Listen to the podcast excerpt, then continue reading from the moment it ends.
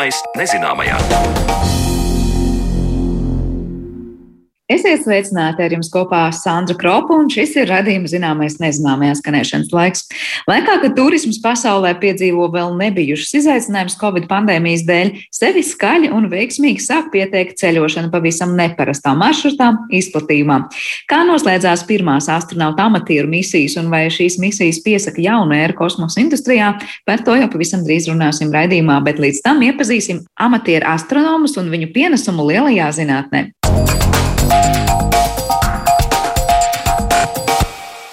Nav jāstudē astrofizika un jāvelta visa savu profesionālā dzīve, lai spētu veikt vērtīgus atklājumus astronomijā. To pierāda amatieru astronomija, kas ir populārs hobijs visā pasaulē.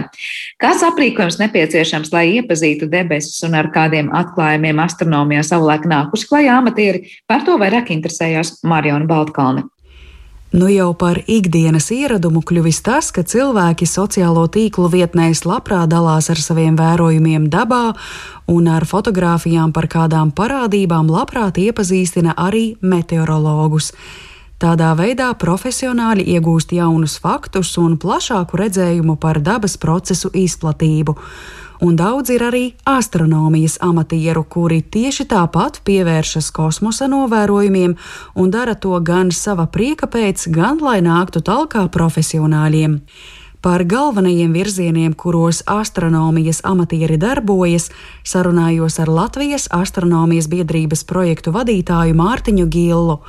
Kā pirmos divus amatieru darbības virzienus viņš nosauc mazo debesu ķermeņu, asteroīdu un komētu novērojumus, kā arī maiņzvaigžņu uzraudzīšanu. Par visu plašāk turpina Mārtiņš Gils.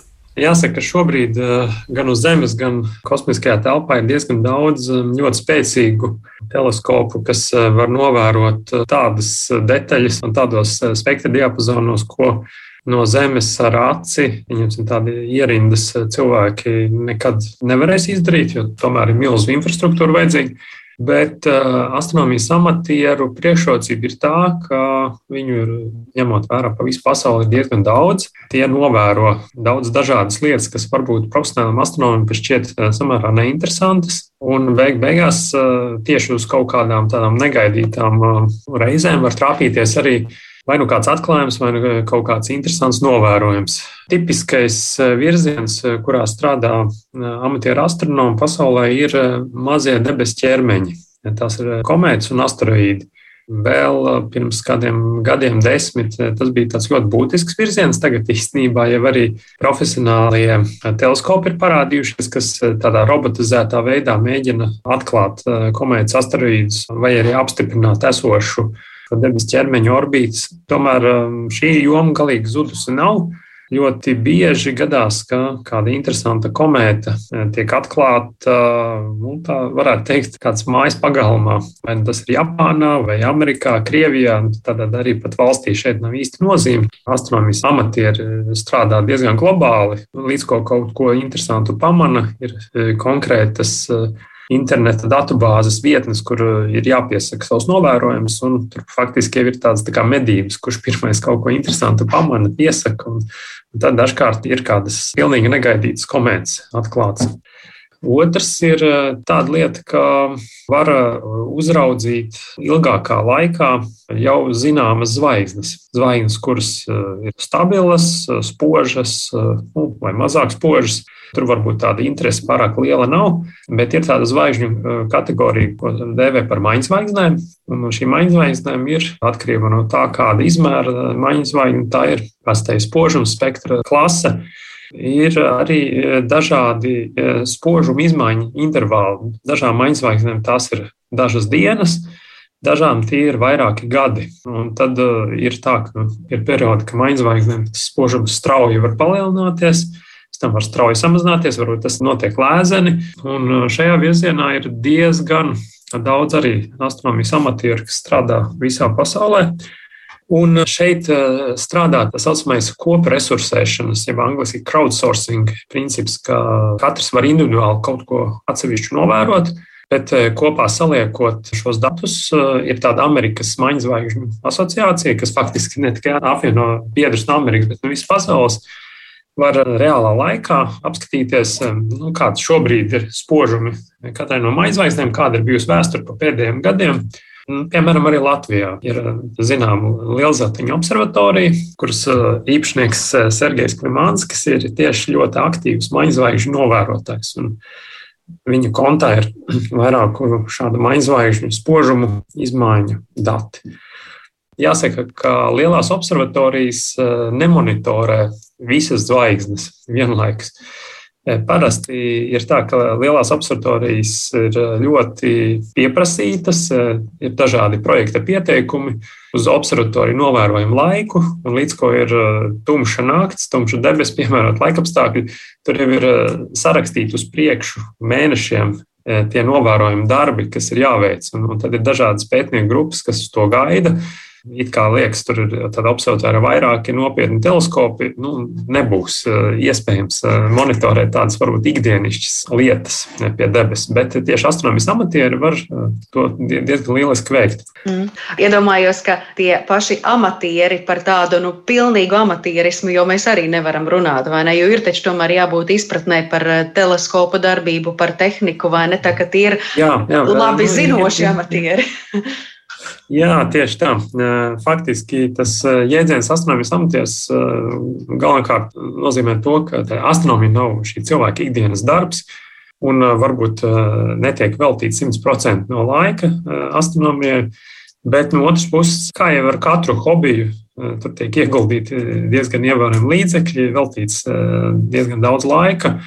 Un arī tiek izveidots jau savu veidu tāds tā kvalitatīvs pamats, lai varētu kaut ko novērot un secināt. Tā pašā laikā jāsaka, ka ļoti daudz astronomijas amatieri novēro savam priekam, un, un tas nekas slikts nav, jo nu, gal galā tas jau ir nu, vaļasprieks. Ar astronomijas amatieru nozīmi asteroīdu un komētu vērojumos, kā arī zvaigžņu uzraudzīšanā būsim iepazinušies. Mārtiņa Gilla pieminētā Lielzeltiņa observatorija ir tā, kurā notiek vissistemātiskākie amatieru novērojumi Latvijā, un pie mums iegūtā informācija nonāk kopīgā datubāzē starptautiskā mērogā. Tas ir uzskatāms piemērs, ka var veikt novērojumus, kas dod ieguldījumus lielajai astronomijai. Kā vēl vienu astronomijas amatieru virzienu, kas īpaši attīstījies pēdējos gados, Mārtiņš Gils norāda asteroīdu okultācijas. Te, te, te nav eh, nekāda saistība ar, ar kaut kādām mistiskām zinātnēm, bet okultācijas nozīmē to, ka ir uh, iepriekš jau iespējams paredzēt, kad uh, kāds no asteroīdiem aizklās kādu zvaigzni. Un kas notiek tajā brīdī, kad asteroīds aizklāj zvaigzni, ir tā, ka pats asteroīds ir diezgan tumšs, skatoties nu, tā, no, no mūsu viedokļa. Un, ja asteroīds tieši trāpa tajā skatu līnijā starp zvaigzni un starp mums kā novērotāju, tajā brīdī zvaigzne nodziest. Tā nodzēšana var būt nu, kādas dažas sekundes, varbūt kāda minūte, atkarībā no orbitas un šī asteroīda izmēra. Un, nu, liekas, nu, kas tur īpašs? Nu, skatāmies, kā nodziest vienu zvaigzni otru. Bet te atkal parādās tas efekts, ka ir internets, kopresursēšana iespējams starp diezgan daudziem novērotājiem. Ir iespējams paredzēt, kurā datumā, pulkstenis cikos un kuros geogrāfiskajos apgabalos šāda satumšana būs.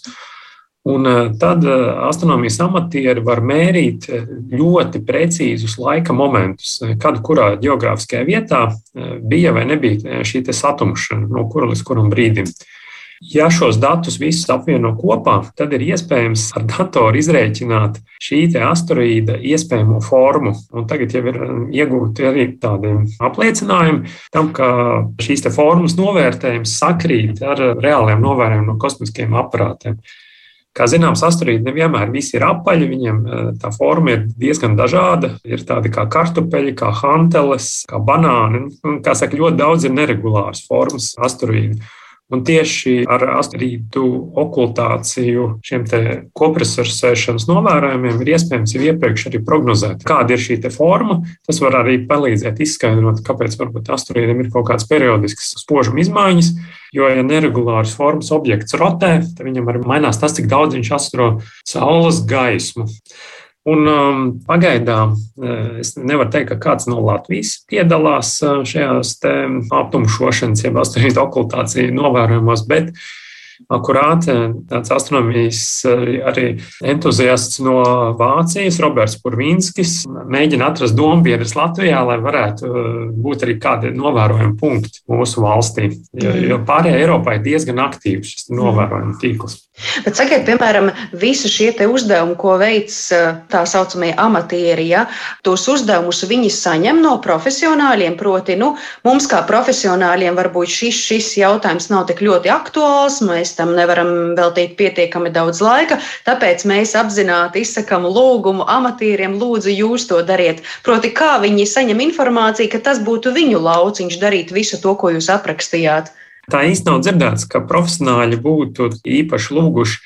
Pagātnē ir bijušas akcijas, kad ir kaut kas jānovēro, vai pirms kaut kas noticis, un tad paši astronomijas amatieri saprot, ka nu, jāmēģina attiecīgi novērot. Es nevarētu teikt, ka uzreiz tādu novērojumu dod kādu zinātnisku vērtību, bet nu, kaut kādu nelielu pienesumu arī sniedz. Piemēram, pavisam nesen arī bija viens reģistrēts gadījums, kad Jupitera atmosfērā acīm redzot ietriecās vai nu kāds asteroīds vai komēta. Ir vērtējums, ka gada laikā šādi notikumi ir nu, 20 vai vairāk, bet samērā reti sanāk tādu dzīvajā piefiksēt. Nu, reiz dažos gados ir kaut kas tāds manīts. Jo tur jāsakrīt virknē faktoru, ka tieši tajā brīdī kāds novēro, novērot tādā veidā, ka tiek pieregistrēts. Jo, ja pieņemsim, kāds novēro raci, tad te pašā brīdī nu, to var arī nepamanīt. Tā, tās ir dažas sekundes, un mēs palaidām to garām. Vai, vai, vai domājam, ka vienkārši kaut kāda atmosfēras turbulence tur ir. Bet, eh, ja tādi novērojumi sakrājās, tad ir iespējams pēc tam arī kaut ko secināt. Gan par eh, šādu sadursmju biežumu, apjomu, varbūt pēc tam arī, ja tūmā ir kāds kosmiskais aparāts, kas veids pārlidojumu pār Jupiteru, pēc tam arī šos atmosfēras, tos, nu, kā saka, traucējumus īslaicīgos arī novērot. Nu, tā kā eh, tāda sadarbība var būt abos virzienos. Septembra vidū Jupitera sadursmi ar otru debesu ķermeni fiksējuši amatieri visā pasaulē, un tas uzskatāms tikai par astoto novēroto triecienu šīs planētas kopš pirmās reizes. Tas saistīts ar jau pieminēto amatieru spēju šo mirkli patiešām fiksēt, ne tikai ieraudzīt, lai gan sadursmju ar objektiem Jupiteram gada laikā varētu būt krietni vairāk. Pirmais lielais Jupitera trieciens ar komētu novērots 1994. gadā, un vēsturē tas iegājis kā pirmais novērojums par divu ķermeņu sadursmi Saules sistēmā. Par novērojumiem tolaik Mārtiņam Gilam ir arī personīgs stāsts. Vēl runājot par tām pašām sadursmēm, es atceros uh, no savas pieredzes, tas bija 1994. gadā Latvijas Universitātes astronomijas turnī. Mēs tur bijām tādi vairāki studenti. Mums bija iecerē arī novērot, bija tāda šumēkara Levija komēta, kas bija sadalījusies daudzos gabalos. Viņa tā, tā kā vilciens triecās iekšā Jupiterā, bet triecieni notika Jupitera neredzamajā daļā. Un tikai pēc uh, dažām stundām Jupiters bija rotējis tādā veidā, ka ir iespējams redzēt arī kaut kādas tāds neliels tumšs pleķīšs. Bet mūsu iecerē bija piefiksēt tieši trieciena brīžus, jo e, bija precīzi zināms, cikos tas notiks, un apskatīties, vai trieciena e, brīdī ir iespējams redzēt Jupitera maliņas uzliesmojumu. Mums tur kaut kas nesanāca ar laikapstākļiem. Bet uh, es sapratu, ka arī tā ar aci nemaz tik viegli nebūtu redzams. Tā kā dažādi mēģinājumi bijuši, un arī kādreiz arī pats esmu mēģinājis kaut ko piedalīties šādās lietās. Dzirdējām Marijas Baltkānas sarunu ar Latvijas astronomijas biedrības projektu vadītāju Mārtiņu Gilu, bet raidījuma turpinājumā pievēršamies turistiem izplatījumā.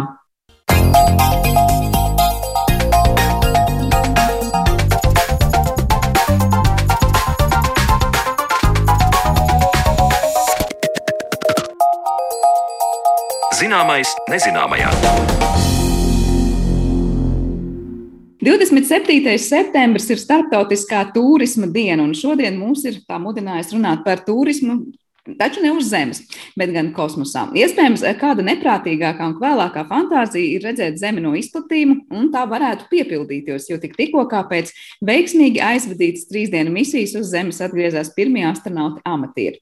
Cik tuvu vai tomēr tālu esam no kosmosa turisma un kādiem šiem turistiem būtu jābūt, lai šādas misijas izdotos? Par to mēs šodien vairāk runāsim atlikušajā raidījuma sadaļā, kad uz sarunu esam aicinājuši Stārspace observatorijas saimnieci un portāla arī redaktori Annu Ginteri. Sveika, Anna! Sveiki! Nu, kosmosa industrija, liekas, gadiem ir balstījusies uz tādiem īpaši atlasītiem un ilgi apmācītiem profesionāļiem, tiesa gan ar dažādiem, varbūt doktora grādiem visdažādākajās zinātnēs. Un tomēr ir ierasts domāt, ka kosmosā dodas īpaši sagatavoti cilvēki. Tagad pēdējie notikumi liek domāt, ka nu, redz, tas ir nu, kļuvis iespējams te jau varbūt ik vienam. Es nezinu, ar kādām sajūtām tu skatījies nesenos notikumus, kad atgriezās tad veiksmīgi pēc trīs dienu pavadītas nu, misijas uz Zemes šie astronauti, amatieri. Un kā tev šobrīd liekas, vai šis kosmosa turisms ir bruģējis tādu nu, taciņu tuvāk eh, brīdim, kad kosmosā varēsim doties ik viens? Nu, līdz ik viens, es domāju, ka ir ilgi vēl jāgaida, lai tas tiešām kļūtu par visiem pieejamu pakalpojumu, kad varētu tā iesaisties kosmosa kuģī un aizbraukt apkārt Zemes orbītai vai pat vēl tālāk kaut kur. Bet katrā ziņā tas uh, ceļojums kļūst arvien lētāks, ņemot vērā visas šīs tehnoloģijas, kas ir uh, Piemēram, SpaceX, tas, ka viņi spēj šo nesēju raķeti atkal nosēdināt atpakaļ un izmantot atkārtot, tas to lidojumu padara nedaudz lētāku. Un, protams, tie, kas bija augustā un vasaras nogalē, sanāk, kad Blue Origin un Virgin Galactic, kad ir šie suborbitālie lidojumi, kad cilvēki kosmosā, jeb nosacīti kosmosā pavada pārdesmit minūtes maksimums, tad tie lidojumi noteikti ir lētāki. Bet joprojām gan viena, gan otra ir pietiekami dārgi, lai lielākā sabiedrības daļa tomēr to nevarētu atļauties. Tā kā laiks, lai mēs teiktu, ka tas būs kā tāds um, gada vai desmitgades ceļojums, ko ir iespējams sakrāt vai uzkrāt, nu lielai daļai no mums nebūs vēl kabatai. Bet mēs bieži runājam par to, ka nu ir jāattīstās un attīstīsies tādas industrijas, kas varētu domāt par viesnīcām, kosmosā un daudz ko citu. Vai tas nozīmē, ka tomēr nu, tie, kas iegulda šobrīd šīs industrijas attīstībā, paredz, ka būs pietiekoši daudz to, kas varētu šīs viesnīcas piepildīt? Kādas ir tās kosmosa industrijas nu, tuvākās nākotnes prognozes? Nu, es domāju, ka uh, katrā ziņā, lai industrija attīstītos, ar kaut ko viņiem ir jāsāk. Nu, ja viņi neizmēģinās šīs tehnoloģijas, ne, ja viņi neizmēģinās gan pirmos turistus, kas ir vai nu maksātspējīgi, vai tas ir labdarības pasākums, neizmēģinās arī pirmās potenciālās viesnīcas un ne, tur kāds neaizlidos, tad arī tā industrijai patiesībā sakot nebūs nākotne. Viņi nevarēs piedzimt vienā dienā un pēkšņi būt piepildīti ar apmeklētājiem. Cilvēkiem uz Zemes ir jāredz, ka tas ir droši, ka tas ir iespējams, ka to tīri teorētiski ļoti cenšoties un, un varbūt veltot tam visu savu dzīvi, var tiešām arī sasniegt. Jo, kā mēs redzējām šajos izmēģinājumu lidojumos, ne visi cilvēki tiešām par šo prieku samaksāja. Dažiem tas bija loterijas rezultātā, dažiem tas lidojums tika, varētu teikt, tā uzdāvināts. Tā kā var gadīties, nu, ka, ja cilvēks pats viņu nevar sakrāt, iespējams, ka varbūt kaut kad nākotnē turpināsies tādas loterijas, kur varbūt šajos lidojumos viens no uh, krēsliem tiek izlozēts un var tajā tikt arī tāpatās, neieguldot liels līdzekļus. Tā kā es domāju, šīs kompānijas strādās ne tikai uzlabojot tehnoloģijas, bet arī motivējot cilvēkus interesēties par šo iespēju un visādi veidi visādos veidos mēģinās viņus ieinteresēt, lai viņi nu, uztur, noturētu šo uzmanību. Jo, protams, ka svarīgi būs arī šis finansiālais aspekts, un tāpēc arī droši vien tiks aicināti galvenokārt, un tie, kuriem būs iespējams patiešām lidot, būs tie, kuriem nauda ir mērām miljonos un miljardos. Jo tā ir tā potenciāla auditorija, un kā mēs redzam, pasaulē šādu cilvēku nemaz tik maz nav. Tā kā iespējams, ka nu, Mēs varam, tie, kas nevar atļauties sakrāt šādu naudas summu, mēs varam cerēt uz to, ka pirmkārt lidojumi paliks ar laiku lētāki, Otrakārt, ka varbūt būs loterijas, varbūt būs kāds iespējas piedalīties, varbūt, varbūt iespējams paveikt kādu kārtīgu, labu darbu, un par to tev pateiks paldies šāda lidojuma formātā.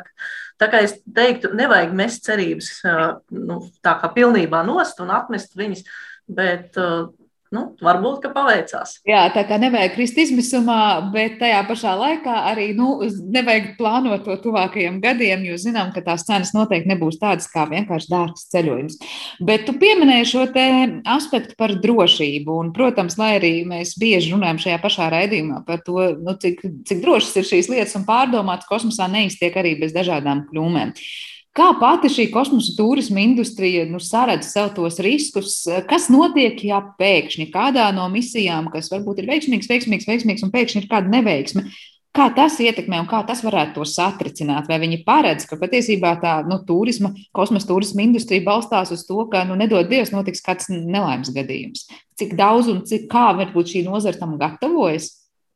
Nu, es domāju, tāpat kā jebkura cita nozara, tāpat tās mums mēdz kuģi aiziet bojā un lidmašīnas nokrist. Un, un tas jau nenozīmē, ka mēs pārstājam lidot ar lidmašīnām, mēs pārstājam braukt ar automašīnām, kad mēs pat redzam, kāda avārija, kas notiek mūsu acu priekšā. Protams, mēs varbūt turpmāk esam uzmanīgāki un arī tāpat kā parastajā kosmosa industrijā, kas nav saistīta ar turismu, katrs negadījums tiek ļoti rūpīgi izvērtēts un lai saprastu, kas tad bija šis galvenais iemesls un kā viņu varētu novērst.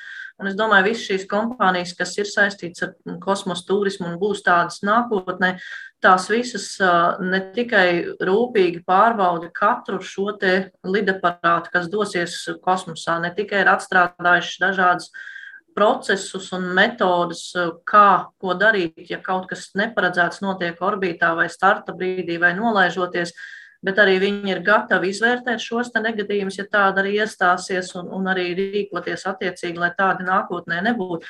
Jo, protams, visi tīri labi saprot, ka mēs neesam pasargāti no kaut kādām kļūdām simtprocentīgi, un, un nu, ir jābūt gataviem, ka var iestāties kaut kādas ārkārtas situācijas, jābūt gataviem tās risināt un, un novērst nākotnē, ja ir nepieciešams arī kādu negadījumu.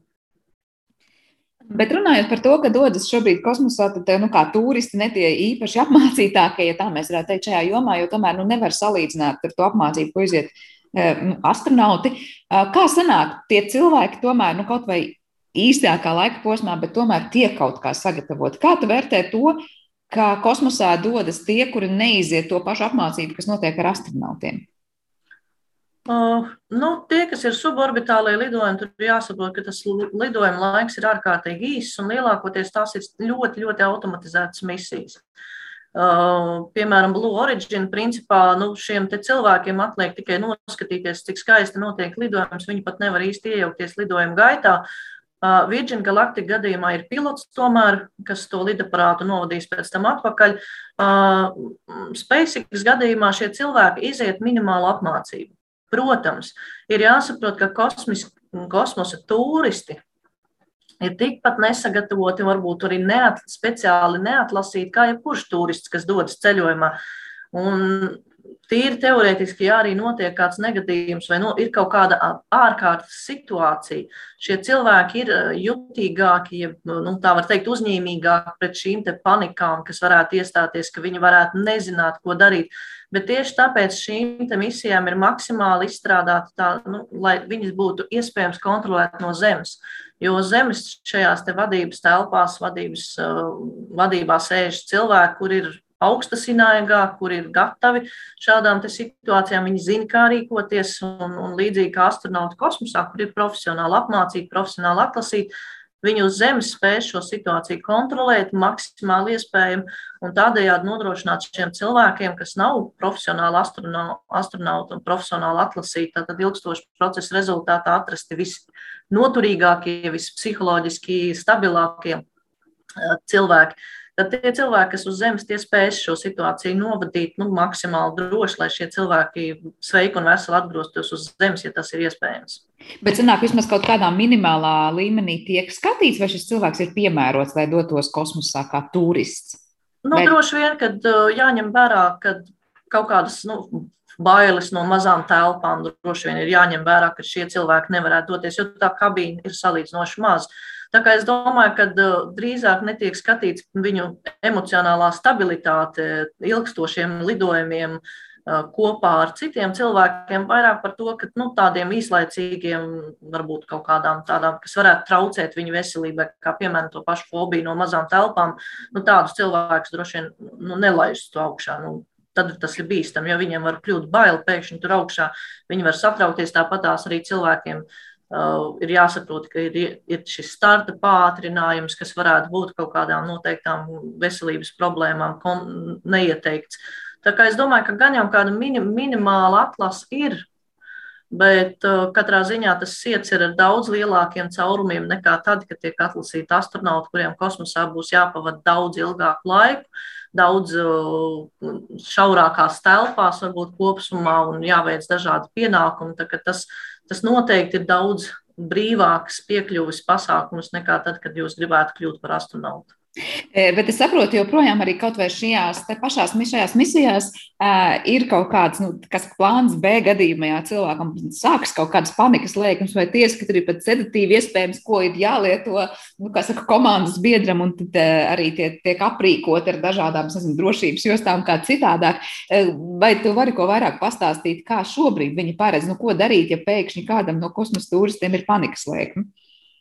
Jā, man liekas, ka arī SpaceX pēdējā lidojuma laikā tika lietotie sedatīvi, arī, ja nemaldos, pirms starta, lai tie cilvēki būtu mierīgāki. Jo, nu, tas ir, tas, tā pieredze ir kaut kas ārpus tā, ko mēs ikdienā varam saskarties un spējam iedomāties. Tas nav, nu, nav nekas salīdzināms ar to, ko mēs ikdienā varam iepazīt, un līdz ar to šiem cilvēkiem nav bijusi saskarsme arī uh, ar, ar, nedz ar raķetēm, nedz ar raķešu startiem agrāk. Un, un līdz ar to viņiem, protams, kad uh, ir dažādas nomierinošās, varbūt medikamenti jālieto, lai viņi varētu justies nu, tādi mierīgāki šajā starta brīdī. Protams, uh, arī tīri no medicīniskā viedokļa uh, šeit SpaceX gadījumā tāds pieredzējušāks cilvēks, kas bija varētu vairāk sagatavots, bija šis Jareds Aizekmens, Uh, un gan jau, ka viņa šī iepriekšējā pieredze varētu palīdzēt šiem pārējiem cilvēkiem, kuri nebija tik pieredzējuši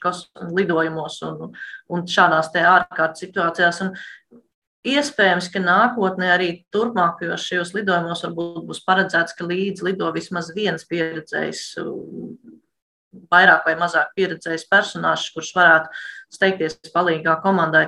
Jo šobrīd, ja mēs runājam tikai par lidojumiem Zemes tūmā, Zemes orbītā, bet SpaceX jau ir ieplānojis lidojumu arī apkārt mēnesim.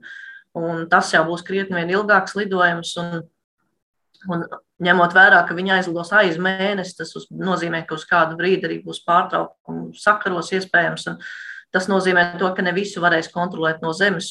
Tad tajā tiem cilvēkiem, kas lidos šādos ilgākos lidojumos, ir jābūt jau daudz labāk sagatavotiem, psiholoģiski noturīgākiem un, spējīgiem risināt arī tādas neparedzētas situācijas. Cik tuvā vai tālā nākotnē tu saredz, ka šis, piemēram, mēnesis vai nu vēl tālākās idejas, protams, par Marsu, kas izskan tieši kā turista uh, lidojumu, varētu notikt? Nu, SpaceX jau ir apņēmīgi un plāno šo mēnesi lidojumu jau salīdzinoši netālā nākotnē, ja nemaldos, bija kaut kāds 24. vai 25. gads. Tā kā nu, biļetes jau ir nopārdotas, ka varētu tā teikt, vismaz šis galvenais personāžs, kurš lidos apkārt mēnesim, šis Japāņu biznesmenis, uzņēmējs. Un, Līdz ar to tad, uh, mēnesis varētu būt salīdzinoši tuvu par Marsu. Grūtāk teikt, uh, kā viņiem ies ar šo te Starship uh, testēšanu un, un lidojumiem. Bet katrā ziņā mēs redzam, ka SpaceX virzās diezgan stabili uz priekšu, varbūt ar nedaudz aizkavēšanos no iecerētā grafika, bet katrā ziņā uh, nu, viņi ir diezgan daudz sasnieguši. Un jāsaka, ka pirmais komerciālais orbitālais lidojums pieder SpaceX. Tas jau nu, ir tiešām būtisks sasniegums. Var teikt, ka SpaceX tomēr ir nu, noteikti līderis šajā visā nu, parasti trijotnē, ko mēs piesaucam, bet tomēr nu, salīdzinot ar citiem šiem pionieriem kosmosa turisma industrijā, kā, kā tu raksturot SpaceX kā tādus pārliecinošākus spēlētājus? Es teiktu, jā, jo tie pā, abi pārējie, ko, ko mēs runājam šobrīd par komerciālajiem, it kā kosmiskajiem lidojumiem, tie ir tieši jau suborbitālie, un viņi nekur īpaši tālu nevar aizlidot. Nu, tas ir, tas ir tā, palīdzlidojām bišķi ārpus atmosfēras, paskatījāmies, uz, ka Zeme tiešām ir apaļa un devāmies atpakaļ uz, uz dažām minūtēm, izbaudījām bezsvaru stāvokli. Bet SpaceX šajā ziņā piedāvā pat tiešām astronauta cienīgu pieredzi. Vai mēs varam nedaudz parunāt sīkāk, nu, kā ilustrēt cilvēkiem, kā šis lidojums konkrēti SpaceX gadījumā notiek? Tad cilvēki, var teikt, tiešām ir tādā, nu, tās trīs dienas pavadījuši lielā šaurībā un nekur daudz, nekur nekustoties un ne, ne, neesot prom vai kā. Jo, piemēram, nu, tad, kad mēs skatāmies, kā astronauti dodas uz starptautisko kosmosa stāciju, tad, protams, mēs varam redzēt, ka tad, kad viņi ierodās, nu, tur sākas īsta dzīve ar, ar tiešām ar darbiem, ar, ar telpu atsevišķu gulēšanai, strādāšanai un vingrošanai, un ko tik vēl nē, kā tas notiek šai šajos te lidojumos, ja mēs runājam par šo trīs dienu pavadīšanu kosmosā un atgriešanos uz Zemi, ko viņi tur dara un kā tas izskatās? Protams, ka viņiem tur nav tā, tik plašas iespējas kā starptautiskajā kosmiskajā stacijā, bet nu, tāpatās šis Dragona modulis ir pietiekami ērts un komfortabls, lai viņā varētu tiešām labi uzturēties atšķirībā no Krievijas Sojuz moduļa, ar kuru astronauti dodas uz kosmisko staciju. Tur ir daudz lielāka šaurība. Un papildus šajā gadījumā šīm komerciālam lidojumam bija aprīkoti speciāli tādi kupoli, 360 grādus plašu redzeslauku, kas nodrošināja, ka cilvēki varēja šad aiziet apskatīties, kā tas izskatās, kā izskatās ārpusē, ārpus kosmiskā kuģa.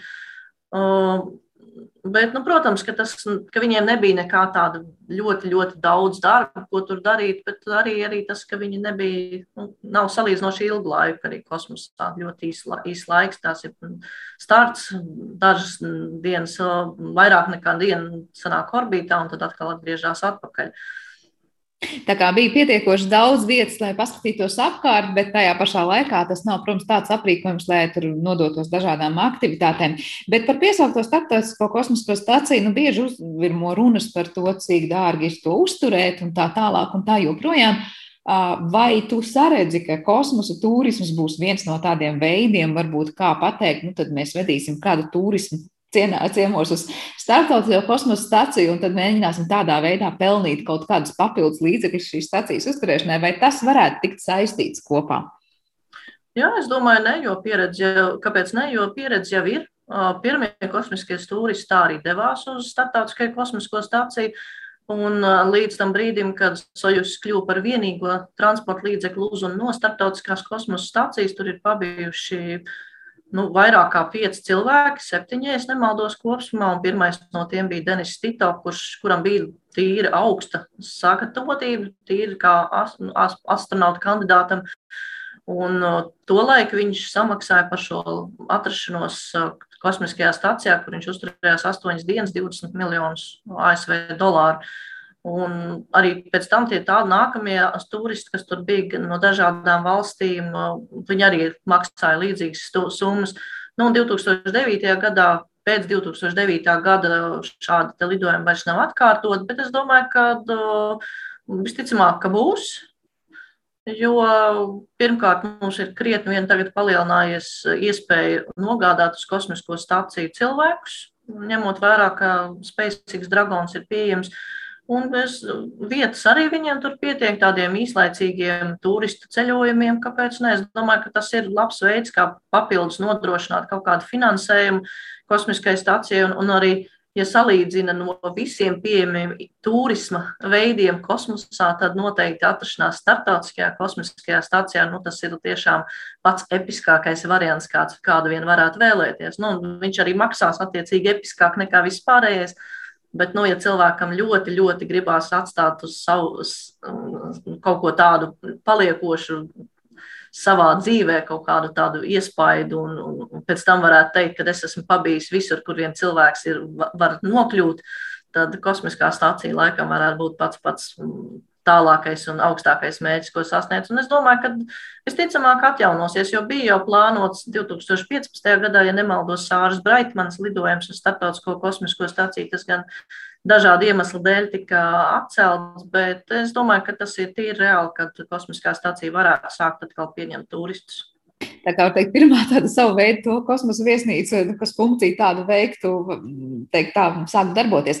Bet uh, mēs tik daudz runājam par tām nu, labajām lietām, kas liekas, jā, viss attīstās un katrs tāds solis uz priekšu, varbūt tajā kosmosa turisma attīstībā, varbūt pat vēl nenoved līdz tam, ka nu, ļoti daudzi planētas iedzīvotāji to varēs atļauties, bet tomēr tas to padarīs lētāku un tomēr pieejamāku.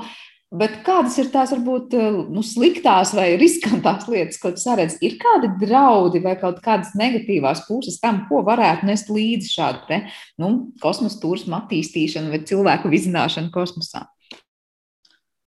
Nu, nu, vienīgais, kas tagad tāds vairāk, nu, vismaz no, ir dzirdēts saistībā ar šiem potenciāliem turistiem, ir tas, ka saskaņā ar agrāk esošo tradīciju ir tā, ka cilvēks pārsniedzot šo 100 km robežu, atrodoties reālā kosmosā, viņam tiek pies, piešūts piešķirts astronauta tituls, bet tagad tiek spriests par to, ka varbūt gluži tā visiem, kas sasniegs šo 100 km robežu astronauta titulu, nevajag piešķirt, ka viņi tomēr nav pelnījuši, jo viņi neveic īstas astronautu darbības, viņi ir vienkārši kā turisti. Un līdz ar to tiek spriests tīri par šī te termina, terminoloģijas ieviešanu, mainīšanu. Tas, ko es vēl esmu lasījis saistībā ar kosmosa turismu un potenciālo iespaidu nākotnē, tas varētu būt, ka tas noteikti palielinās šo izmešu daudzumu atmosfērā, jo viens tāds starts ir visai iespaidīgs ne tikai tajā, cik daudz resursu tiek ieguldīti, lai šo lidojumu realizētu, bet arī tīri tie izmeši, kas tiek summāri saražoti, lai šo lidojumu realizētu un pats lidojums notiktu, tas esot visai iespaidīgs skaitlis.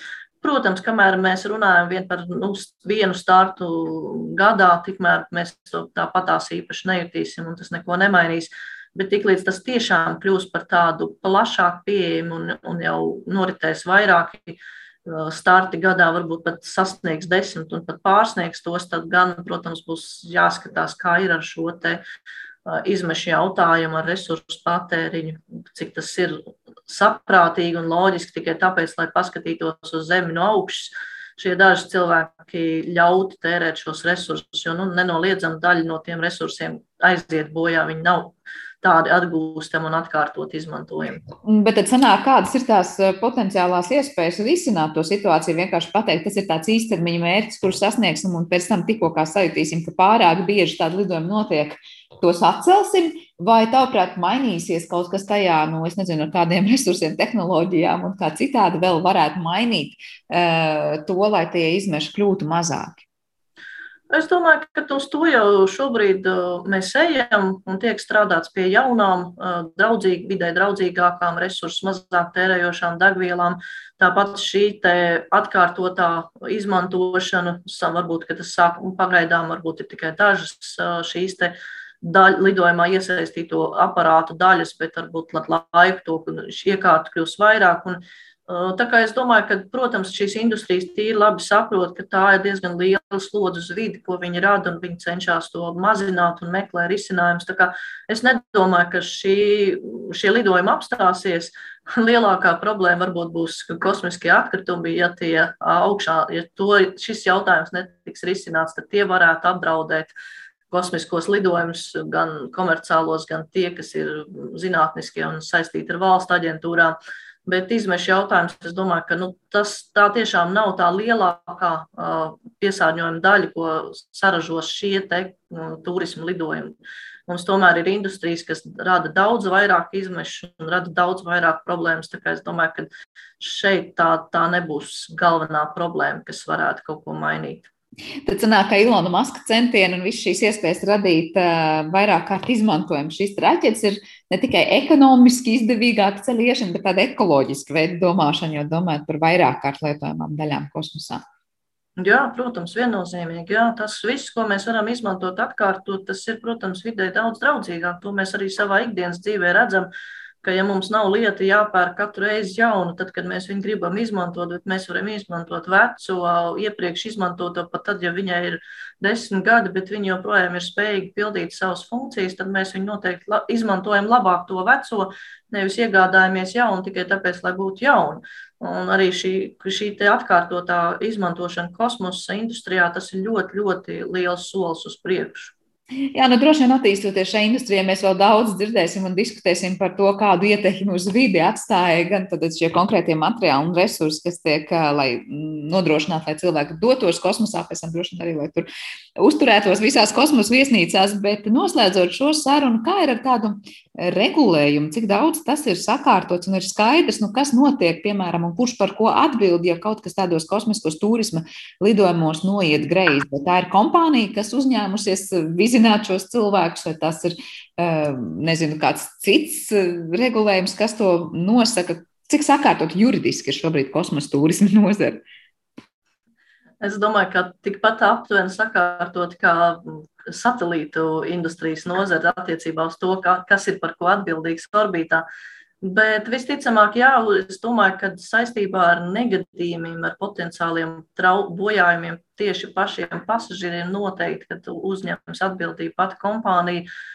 Un tāpat tās zinām atbildību noteikti uzņemtos arī par negadījumiem, kas atstātu atlūzas orbītā. Bet, protams, ja tās atlūzas tur orbītā būs, nu neko citu, kā tikai sagaidīt to brīdi, kad viņas nokritīs lejā, mēs nevaram. Bet uh, es domāju, ka pārējais viss attiecās tāpat kā uz citiem negadījumiem turismu industrijās, kas notiek šeit uz zemes. Tāpat mēs gan turists uzņemas zinām daļu atbildības, gan arī kompānija, kas nodrošina šo pakalpojumu. Šajā jautājumā es domāju, ka tā situācija varbūt pat ir pat vēl labāk sakārtot nekā tur, kur mēs skatāmies uz pašu satelītu palaišanu orbītā. Uh, jo tur šī atbildības joma jau ir tāda krietni vien izplūdušāka un, un, un grūtāk nodefinējama. Bet es domāju, ka kosmiskais turisms juridiski, domāju, ir labāk pat sakārtots. Jā, nu paldies, Anna, tev par šo sarunu. Es saprotu, ka tuvākie gadi ir tas laiks, kad mēs redzēsim vēl daudz kā interesanta kosmosa turisma tālākajos attīstības soļos, jo, kā tu minēji, šie sapņi par mērķi jau jāsaka, ne tikai sapņi, par došanos apkārt mēnesim patiesībā nav nemaz tik tālu, un, kā saka, biļetes jau ir izpārdotas. Lūkosim, ko tālākie soļi nesīs, bet par šo sarunu teikšu lielu paldies Stārspace observatorijas saimniecei un arī Stārspace portāla redaktorai Annai Gintrei. Ar to arī šis rēdījums ir izskanējis, un par to parūpējās producenta Paula Gulbinska un mūzikas redaktors šeit un nebija ģirds bišs savukārt, ar jums kopā viesis Sandra Kropa, un mēs tiekamies jau atkal rīt. Vislabāk!